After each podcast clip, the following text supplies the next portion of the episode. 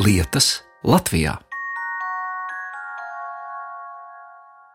Un mēs uzdrīkstējāmies 20. gadā nevienu radīt tādas unikālas lietas kā ekspozīcija, bet tā skaitā arī restaurēt un atjaunot šo kāpņu bijušo skaistumu. Un tad ar lielām rūpēm, pašu spēkiem tika atjaunoti trūkstošie elementi, notīrīta tā biezā eļas krāsas kārta, un tagad viņas ir atguvušas bijušo skaistumu un pirms aptuveni 140 gadiem šīs kāpnes veda uz telpām, kur iespējams zaļoja citronu koki un mandarīnu koki, sukulenti, begonijas, orhidejas.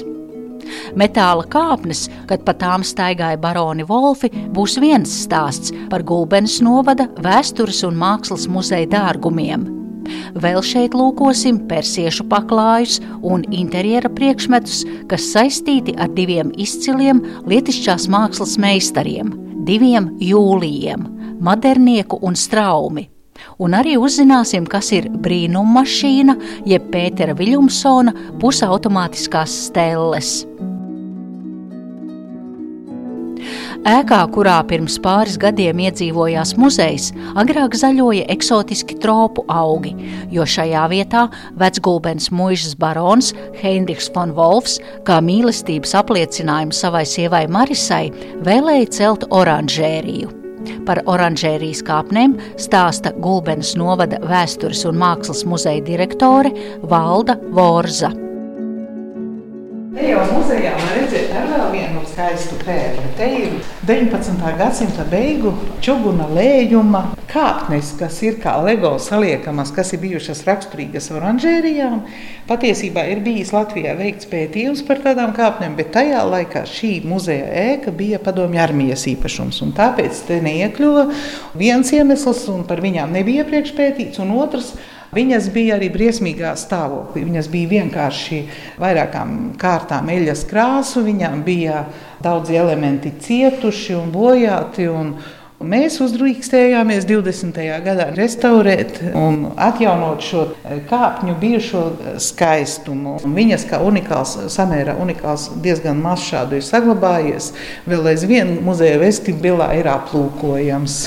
Bet kāds ir to kāpņu stāstā vēsture? Kur tās kāpnes bijušas un kur, kā, kur kāpnes? Viņas ir pirktas oranžērijā. Vispār vairākās oranžērijās, visticamāk, muižās viņas ir bijušas, bet es nepateikšu, cik vietās viņas ir saglabājušās, bet es zinu to, ka mūsu vēsturniece arī pētīja par šīm konkrēti kāpnēm. Un tad viņai nebija pārliecības, par to vēl būs jāturpina pētniecība, bet iespējams, ka tās ir tepat sarkandaugavā lietas, bet viņas pirktas noteikti ir šai ēkai, un viņas te tai oranžērijas ēkai tika pirktas, uzstādītas un ir saglabājušās. Saku. Vai šī ir oranžērija? Šī ir oranžērija sēka.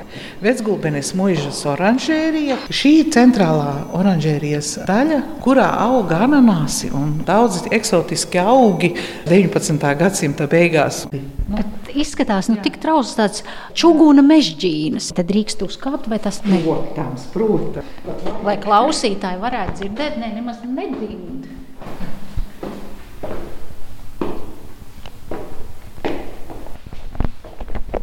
Nu, re, varbūt sarkandaugavā turpat arī ir. Iespējams. Jā. Lietas, nu, Pēc tam atšķirīgajiem ornamentiem, jo katrai tomēr tai Lietuvai bija atšķirīgais stils. Varam pieņemt, ka iespējams, ka tepat sarkandaugavā viņas ir izgatavotas. Ap to pašu laiku, kad te saimniekoja minētais barons Wolfs, apkaimē piedzimis divi puikas. Viens pasauli ierauga 1870. gadā vecgulbens muižas rentnieka Ernesta Madernieka ģimenē. Otrs nāk pasaulē 1874. gadā Druvienas ķempju mājā. Abiem tiek dots vārds Jūlijas un abi vēlāk ieraksta savus vārdus Latvijas mākslas vēsturē kā lietišķās mākslas meistari.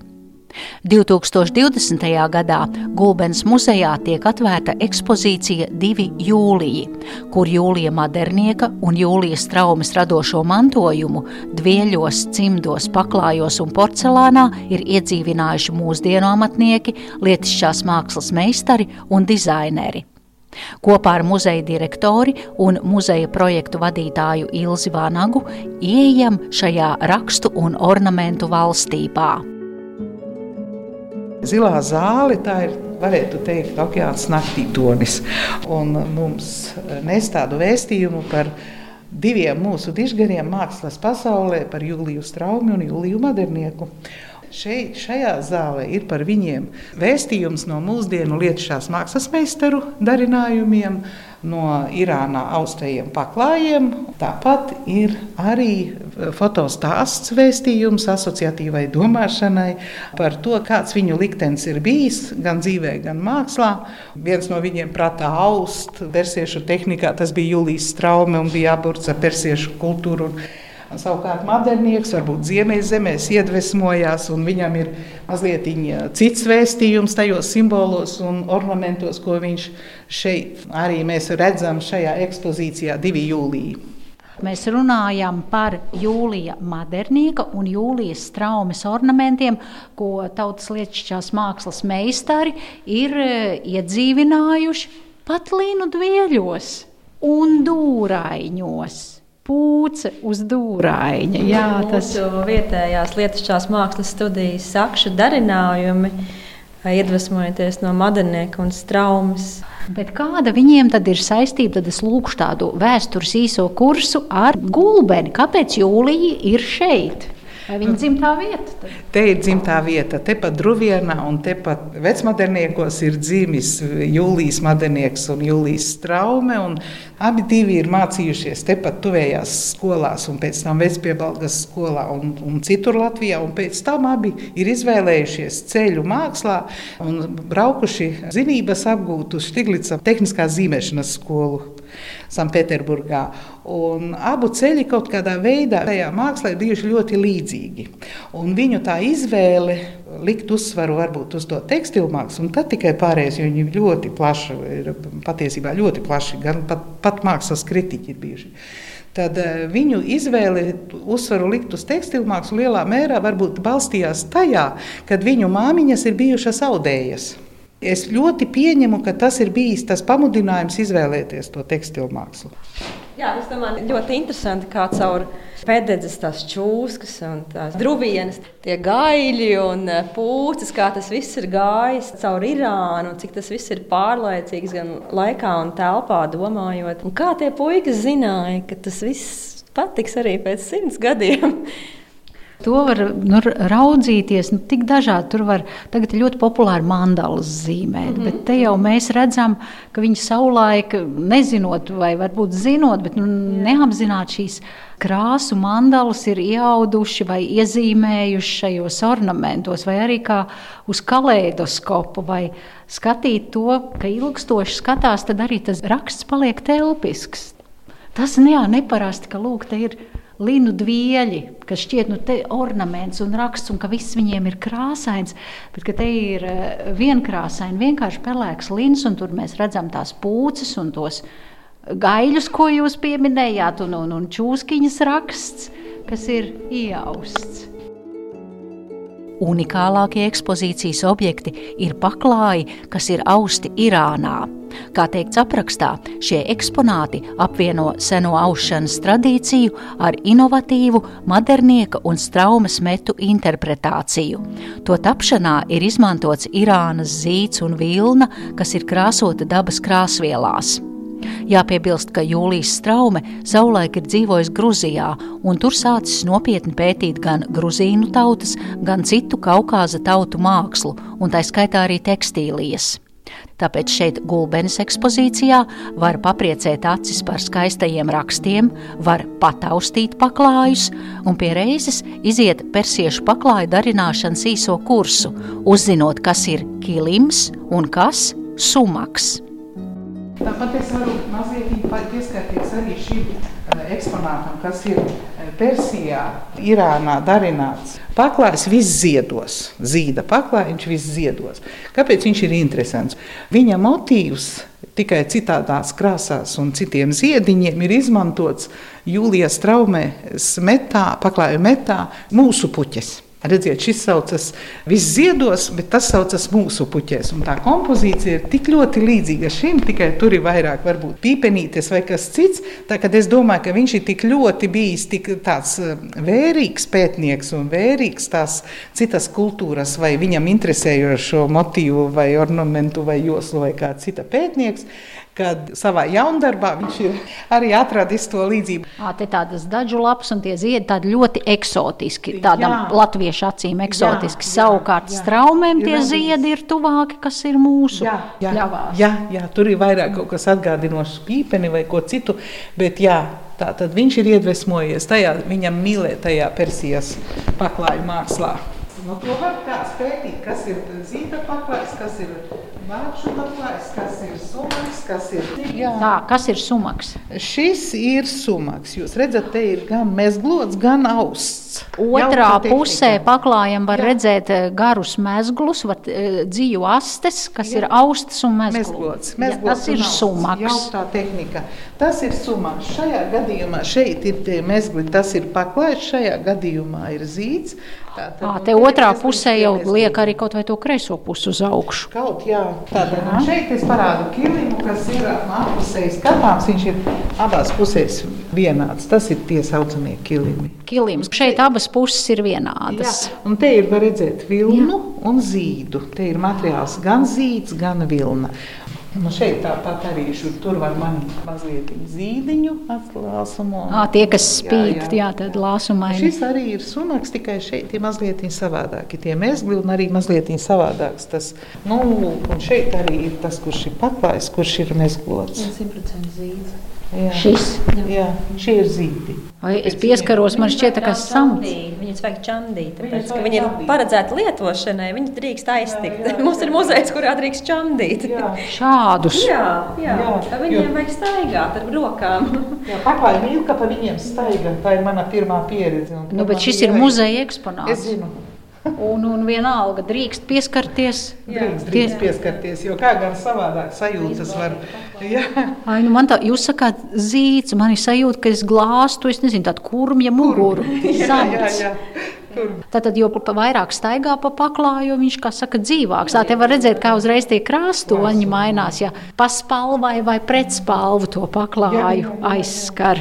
Varbūt vēl svarīgi tas, ka šie paklāji tika austi arī simtprocentīgi tajā viņu tradicionālajā metodē, sākot ar visu krāsošanas procesu. Tirgu pirktas dabīgās krāsas, krāsotas, pēc tam aušana. Mēs neredzējām nevienu sievieti pēc sejas, kura bija audusi, jo viņiem ir tas ticējums, ka viņi nedrīkst fotografēt audējas. Mēs redzējām tikai aušanas procesu. Mums bija atbraucis cilvēks, kurš organizēja to visu procesu, Karim Mirzāja, profesors no Tebrijas universitātes. Viņš mums rādīja visu procesu, kā tas ir noticis, bet nevienu audēju mēs neredzējām. Ka Karim Mirzāja mums vadīja tādu meistarklasīti persiešu paklāju. Mēs audām uz tām mazām stēlītēm, mezglojām. Un tas bija tieši tajā Covid starplaikā, kad mums izdevās noķert to logu, dabūt viņu Latvijā ar visu meistarklasi un paklāju. Lai mums bija lidojušie paklāji un atbrauc no Irānas.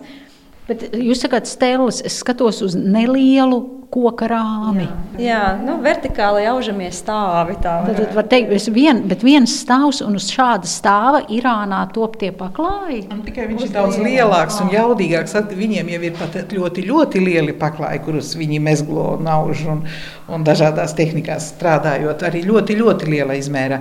Un tādēļ tie stāvi, es jums tagad varu turpināt šo stāstu klētī, jo tur mēs varēsim redzēt šādus paklāju un govelēnu stāvus un arī ļoti platus un tepat Latvijā gan izgatavotus, gan izmantotus. Bet pirms dodamies lūkot stelles, vēl ieskats Gulbens muzeja sarkanajā zālē, kur ir turpinājums Jūlija Madernieka interjera dizainam.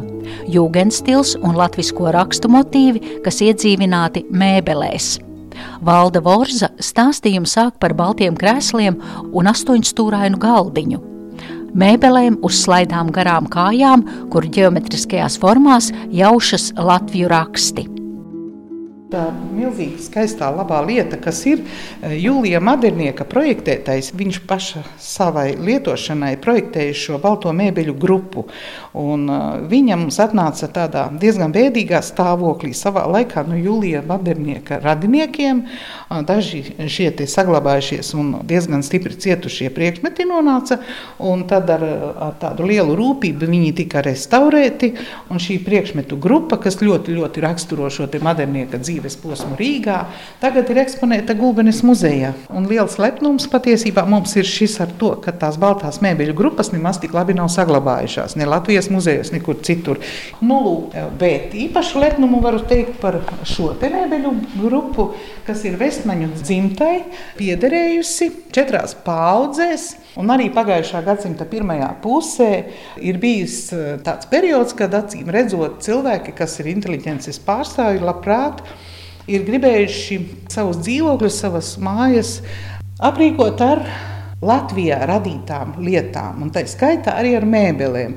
Un gan pēc uh, cīruļa metiem, gan šajā gadījumā pēc modernieka metiem, izvēloties un kombinējot elementus, viņi varēja skulptāna darbnīcā pasūtīt sev tīkamās un vajadzīgās mēbeles.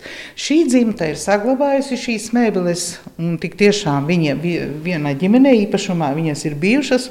Jā, tas bija tas pagājušā gadsimta pirmās puses laikmeta estētika tikai raksturīgais, kad um, latvieši mēs izvēlējāmies savu uh, radīto lietu, ar ko mēs varējām ilgus gadus kopā sadzīvot. Tiem tādiem latviešu rakstiem, tā bufete. Un pamatīgs trīs durvju drēbju skats te augšā ir uz tā skapja apmales Latvijas raksti, kas ir inkrustēti ziedi. Un šie inkrustētie ziedi, cik es zinu, ir eh, tieši modernieka jauninājums šajā mēbeļu rūpniecībā. Jo, eh, kā zināms, arī tas skulptāns patiesībā šīs mēbeles darināja ļoti augstā kvalitātē. Viņam bija ļoti labas ierīces tajā viņa sauktajā mēbeļu fabrikā, un viņš arī plūca laurus gan Parīzē ar to visu. Te jau pat cilvēkam, ja viņam īpaši neinteresē Latviju māksla, viņš var atbraukt un saprast, ka tagad Ikejā mēs varam nopirkt tādas un tādas mēbeles, bet lūk, mani senči, varbūt pirms gadiem 80, ja viņi bija pārtikuši, tad viņi varēja iegādāties lūk šādas modernieku mēbeles, ko ielikt verandā vai, vai ēdamistabā. Šeit vai... bija visas mēbeles, gan dzīvojamā istabā, gan skapis, gan bija gan grāmatu plaukts, gan bija bufete traukiem, galds ar krēsliem, kas ir restaurācijā. Tātad rakstām galds, rakstām galda krēsls, es zinu, ir citā muzejā no šīs dzimtas, no šīs kolekcijas. Tātad visu šo dzīvokli aprīkoja un pasūtīja šīs mēbeles ne vairāk, ne mazāk kā skolotāja ģimene. Abi šie vestmaņa kungs un kundze, viņi bija skolotāji. Varēja atļauties sev šādas mēbeles, kurām ir kultūra, vēsturiska vērtība, jā, jā, mākslas vērtība. Jānis Skultāns ir viens no pirmajiem mēbeļu rūpniekiem, kas ir sācis interesēties un gatavot latviskas mēbeles. Visvairāk ir strādājis pēc mākslinieka Jūlija Madernieka zīmējumiem, kuru taisnajā līniju stilā izpaužas elegance un smalkums. Tā ir rakstīts 1937. gadā izdotajā žurnālā Sievietes pasaule. Un dzīves piemērs tā teikt, tam ir šeit Gulbens muzejā izliktie darbi. Bet nu dodamies uz klēti, lai apskatītu stelles, uz kurām auž gobelēnus. Nu, sekojot, šis ir vecais bruģis. Šī ir tā vieta, kur vēl ir saglabājies Gulbenē vecais bruģis. Šeit bija kroks, mūžas kroks, ļoti skaista uh, akmeņu ēka. Brīnišķīga arhitektūra, bet otrajā pasaules karā sakarā to, ka Gulbenē bija tāds kruspunkts savā veidā, uh, notika liela bombardēšana, tā skaitā Lutāņu baznīcas tornis cieta un vēl aizvien nav atjaunots. Un, uh, tāpat arī šis kroks cieta bombardēšanas laikā dzelzceļa stacija. Un tas šie nu, kaut kādi 30 metri, kas ir saglabājies, Jā. tas ir vēsturiskais bruģis. Te jau bija tā galvenā iela. Te bija pasts telegrāfs, zobārstēkas. Šī bija muižas magazīna klēts. tagad atjaunota. Skatos, Tagad viņa jā. ir atjaunota. Viņa ir Gulbenes novada vēstures un mākslas muzejām pirmā no liekām bijusi. Mēs jau šajā, kas ir oranžērija, no 2001. gada tikai esam. Tā mēs nonākam pie lielām durvīm, klēts durvīm, kur rakstīts Gulbenes novada vēstures mākslas muzejs klēts ekspozīcija tautas saimniecība. Tad es sekoju jums. Un Te nu mēs esam un šeit um, ir Eltermaņu dzimtas izstāde. Kas ir Elta? Eltermaņu dzimta ir Eltermaņi ir mākslinieku dzimta, kas dzīvo Liepājas pusē.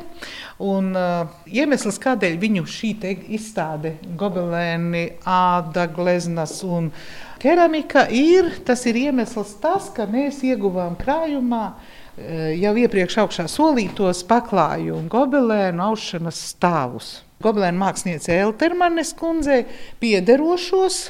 Mēs ieguvām šo informāciju par viņu esamību Liepājā, un arī mēs viņus iegādājāmies krājumā. Viņi tagad ir saskrūvēti šie stāvi, viņi ir ieguvuši to veidolu kā gatavi, eh, lai mēs sāktu aušanu. Viņi ir trīs metrus plati, jaudīgi, liels, milzīgs rāmis. Nemaz tik daudz viņu Latvijā nav. Nu, ja cilvēks, kurš no aušanas neko daudz nesaprot, bet uh, katrā ziņā var apbrīnot tās stēles, un kas mani piesaista uzreiz uzraksts, es pieņemu, ka tās ir starpkaru Latvijā ražotas stēles, jo tur ir uzraksts brīnum mašīnas patente P. Viljumsons Rīgā, Stabu ielā numur 25. Jā, arī šis ir īpašs stāsts. Šīs Viljumsonas teles nu jau vairākus gadus atpakaļ mēs ieguvām muzeja krājumā, un tāpat mēs viņas restaurējam, jo mēs viņas ieguvām arī kā dēļu kaudzi, var teikt. Un te ir liels paldies arī Mailīšu fabrikai, abām mātēm, meitēm, mailītēm, par to, ka viņas mums gan iemācīja, gan arī meistardarbnīcas šeit vādā ar aušanu un viņas Bet vai jūs varat pastāstīt, ja cilvēks šeit atnāk? Es nesaprotu diži no aušanas un, un tādas stēles, šādas stēles.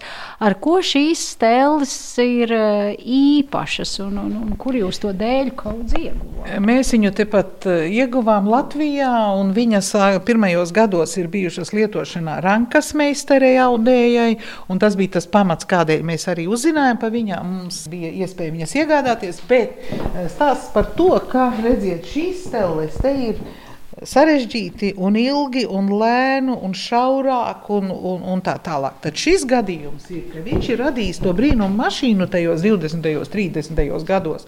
Viņas nodrošina lielu ātrumu, tās ir perfokartes, tātad ornamentam te jau ir tāds uzlabojums spēcīgs. Te var daudz īsākā laikā noust kādu tādu vai citādu ornamentu, to perfokaršu. Tas ornaments nodrošina to, ka te iaužas tās. Perfokarts tas ir eh, nepilnu metru garas kartona sloksnis, kurās ir izsisti caurumiņi.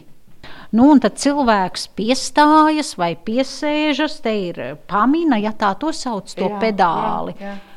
Tas ir tā kā tādi settingi mūsdienu vārdiem runājot. Uzliek settingos to īsto perfokarti un Jā. tu darbojies pēc Jā. viņas. Ja es gribu rakstu tādu, tad es paņemu tās perfokartes, tur ir kaut kādas 20 eh, tā uz rīņķa, tādā rullī. Un tā, tās parastās aužamās stēles, te cilvēks ielien, un te viņš apsēžas uz tā šaurā beņķīša, un te ir viens, divi, trīs, sešas paminas, tie pedāļi. Un, un, un Četras nīšu kārtas. Jā. četras nīšu kārtas. Jā. Tur, bet te, tur, man liekas, ir vairāk nīšu kārtas. Nu, ne? kā tad? Tur ir daudz plašākas un, uh, iespējas, un arī lielāks ātrums. Tikai nu, jāzina, gan tā lieta ir. Bet šī mašīna, es saprotu, ir kādā tautsēmniecības izstādē savulaik arī iegūsi Grand Prix. Tā vismaz vēstītas uzraksts. Par ko iet runa? Piebildīšu, ka aušanas prasme uz Pētera Viljumsona pusautomātiskajām stellēm kā vērtība ir iekļauta mūsu nacionālajā nemateriālā kultūras mantojuma sarakstā, un šogad steļu konstruktoram, audējam un amatniekam Pēterim Viljumsonam aprit 150. gadskārta. Tātad triju laika biedru, izcilu latviešu lietišķās mākslas pīlāru devums ir aplūkojams Gulbenē. Paldies par ekskursiju. Es saku Gulbens novada vēstures un mākslas muzeja direktorei Valdai Vorzai un projektu vadītājai Ilzei Vanagai. Muzejā viesojās un raidījumu veidoja Zane Lāce Baltalksne. Vietu lietas.